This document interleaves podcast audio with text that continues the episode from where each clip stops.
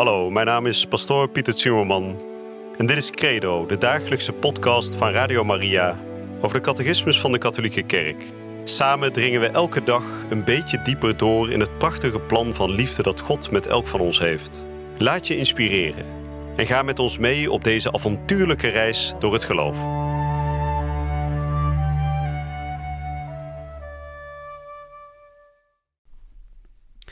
Vrienden, van harte welkom terug bij de dagelijkse podcast hier bij Radio Maria, Credo. Waarin we, zoals de naam zegt het al, het geloof behandelen. En heel specifiek zijn we bezig met het behandelen van de geloofsbeleidenis.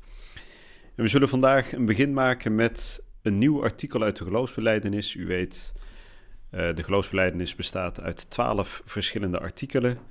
En we komen vandaag aan bij artikel nummer 5. En artikel nummer 5 van de geloofsbeleidenis is Jezus Christus is nedergedaald ter helle en de derde dag verrezen uit de doden.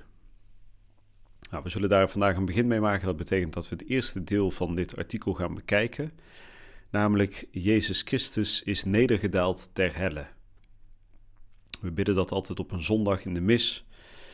En misschien hebt u zich wel eens afgevraagd wat dat nou precies betekent. Het is niet zo dat Jezus naar de hel is gegaan zoals wij tegenwoordig de hel beschrijven, die plaats waar alle verdoemden naartoe gaan.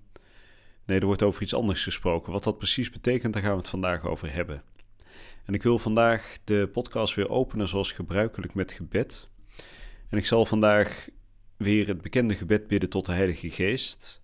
En dat is heel bewust, omdat ik graag de Heilige Geest wil aanroepen om dit ja, toch ook moeilijk te bevatten mysterie van ons geloof, omdat verlicht door Gods Heilige Geest, verlicht door Zijn genade, te kunnen zien, te kunnen begrijpen. We horen dat natuurlijk vaker, hè, ook in het Evangelie, dat sommige zaken voor ons menselijk oog verborgen blijven als God ze niet openbaart. dat zegt Jezus ook tegen Petrus bijvoorbeeld. Niet vlees en bloed hebben dit, u dit geopenbaard, dus niet iemand, een, een menselijk iemand, maar mijn Vader die in de hemel is. En zo geldt dat ook voor dit soort ja, moeilijk te doorgronden geheimen. We zullen de Heilige Geest aanroepen dat Hij ons verstand en ons hart verlicht om deze eh, geheimen dus te kunnen binnentreden, te kunnen begrijpen. En we zullen het voor dat gebed eerst even stilmaken van binnen. In de naam van de Vader en de Zoon en de Heilige Geest. Amen. Kom, Heilige Geest, vervul de harten van uw gelovigen en ontsteken hen het vuur van uw liefde. Zend uw geest uit, en alles zal worden herschapen, en gij zult het aanschijn van de aarde vernieuwen. God, gij hebt de harten van de gelovigen door de verlichting van de Heilige Geest onderwezen. Geef dat wij door diezelfde Heilige Geest de ware wijsheid mogen bezitten, en ons altijd over Zijn vertroosting mogen verblijden, door Christus onze Heer. Amen. Nou, we beginnen aan artikel nummer 5 en dat betekent dat we vandaag gaan behandelen de nummers 631 tot en met 637. En dat betekent dat we ook meteen het blokje in het kort weer mee zullen pakken. Normaal behandel ik dat apart, maar omdat dat nu ook kort is, hè, letterlijk uh, twee artikeltjes maar, namelijk zal ik ze meteen meenemen met die eerste paragraaf. Dus vandaag de opening van artikel 5 en ook meteen de kleine samenvatting aan het einde van die paragraaf. Artikel 5. Jezus Christus is nedergedaald ter helle, de derde dag verrezen uit de doden. Jezus is in de diepte afgedaald. Hij die is neergedaald, is dezelfde die ook is opgestegen. De geloofsbeleidenis van de apostelen beleidt in hetzelfde geloofsartikel de nederdaling ter helle van Christus en zijn verrijzenis uit de doden op de derde dag omdat hij in zijn Pasen uit de diepte van de dood het leven laat opwellen. De morgenster die uit het dodenrijk herrezen, over heel het menselijke geslacht stralend is opgegaan.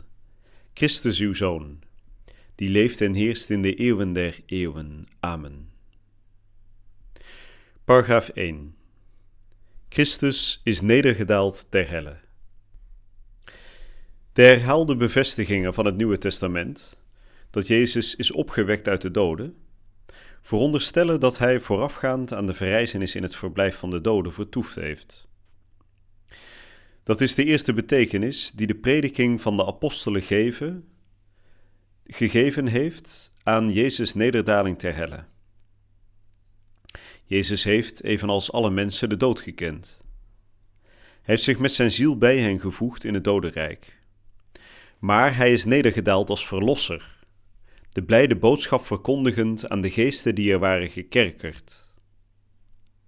Het dodenrijk waarin Christus na zijn sterven is nedergedaald, noemt de schrift de hel, de Sheol of de Hades, omdat zij die zich daar bevinden verstoken zijn van het zien van God. Dat is immers het geval voor alle doden, goede of slechte, wanneer zij wachten op de Verlosser. Dat wil niet zeggen dat hun lot gelijk is, zoals Jezus laat zien in de parabel van de arme Lazarus, die in de schoot van Abraham was opgenomen. Het zijn juist de zielen van deze vromen die in de schoot van Abraham op hun bevrijder wachten, die Jezus Christus bevrijdde toen hij nedergedaald is ter helle. Jezus is niet nedergedaald ter helle om de verdoemde te bevrijden, evenmin om de hel van de verdoemenis af te breken, maar om de rechtvaardigen die hem voorgegaan waren te bevrijden. Het evangelie is ook aan gestorvenen verkondigd. De nederdaling ter helle is de volledige vervulling van de evangelische aankondiging van het hel. Zij is de allerlaatste fase van de messiaanse zending van Jezus. Deze fase is zeer beperkt in de tijd, maar strekt zich ontzettend ver uit wat haar werkelijke betekenis betreft. Zij leert dat het verlossingswerk zich uitbreidt tot alle mensen van alle tijden en van alle plaatsen. Want alle die zijn gered, hebben immers deel gekregen aan de verlossing.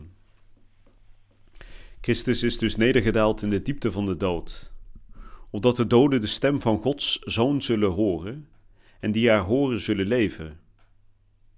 Jezus, de leidsman, de leidsman ten leven, heeft door zijn dood de vorst van de dood, de duivel, ontroond. En hen die door de vrees voor de dood heel hun leven aan onvrijheid onderworpen waren, bevrijd. Voortaan heeft de verrezen Christus de sleutels van de dood en het dodenrijk. En buigt bij de naam van Jezus zich iedere knie in de hemel, op aarde en onder de aarde. Vandaag heerst er een grote stilte op aarde een grote stilte en verder een grote verlatenheid. Een grote stilte, want de koning slaapt. De aarde heeft gebeefd en is tot rust gekomen, omdat God in het vlees is ingeslapen, en hen die sedert eeuwen sliepen, heeft hij doen opstaan. Voorzeker gaat hij onze eerste voorvader, zoals het verloren schaap, wekken Ongetwijfeld wil hij ook hen die in de duisternis en de schaduw van de dood gezeten zijn bezoeken. Ongetwijfeld gaat hij de gevangen Adam en ook Eva, die met hem gevangen zit, van hun smarten bevrijden. Hij, hun God en hun zoon. Ik ben uw God, degene die omwille van u uw zoon geworden is. Ontwaakt gij die slaapt, want ik heb u niet daarom geschapen opdat gij hier in de onderwereld geketend uw dagen slijt. Sta op uit de doden, ik ben het leven van de doden. In het kort. Met de woorden Jezus is nedergedaald ter helle, beleidt de geloofsbeleidenis dat Jezus werkelijk gestorven is en dat hij door zijn dood voor ons de dood en de duivel, de vorst van de dood, overwonnen heeft. De gestorven Christus is met zijn ziel, die verenigd is met zijn goddelijke persoon, afgedaald in het dodenrijk. Hij heeft voor de rechtvaardigen die hem voorgegaan waren, de poorten van de hemel geopend. Dat waren de nummers 631 tot en met 637. Een prachtige, rijke tekst als je het mij vraagt. Christus die is nedergedaald ter helle. we hebben net gehoord dat de hel waar Jezus naar afdaalt, dat niet precies dezelfde hel is waar wij over spreken als we het hebben over hemel, hel en vagevuur. He, want die plaats die wij nu hel noemen, dat is de plaats waar de verdoemde zielen voor altijd zullen blijven. Dat is niet waar hierover gesproken wordt. Nee, de hel, zoals die in de geloofsbelijdenis wordt genoemd, wordt ook wel genoemd de Sheol of de Hades.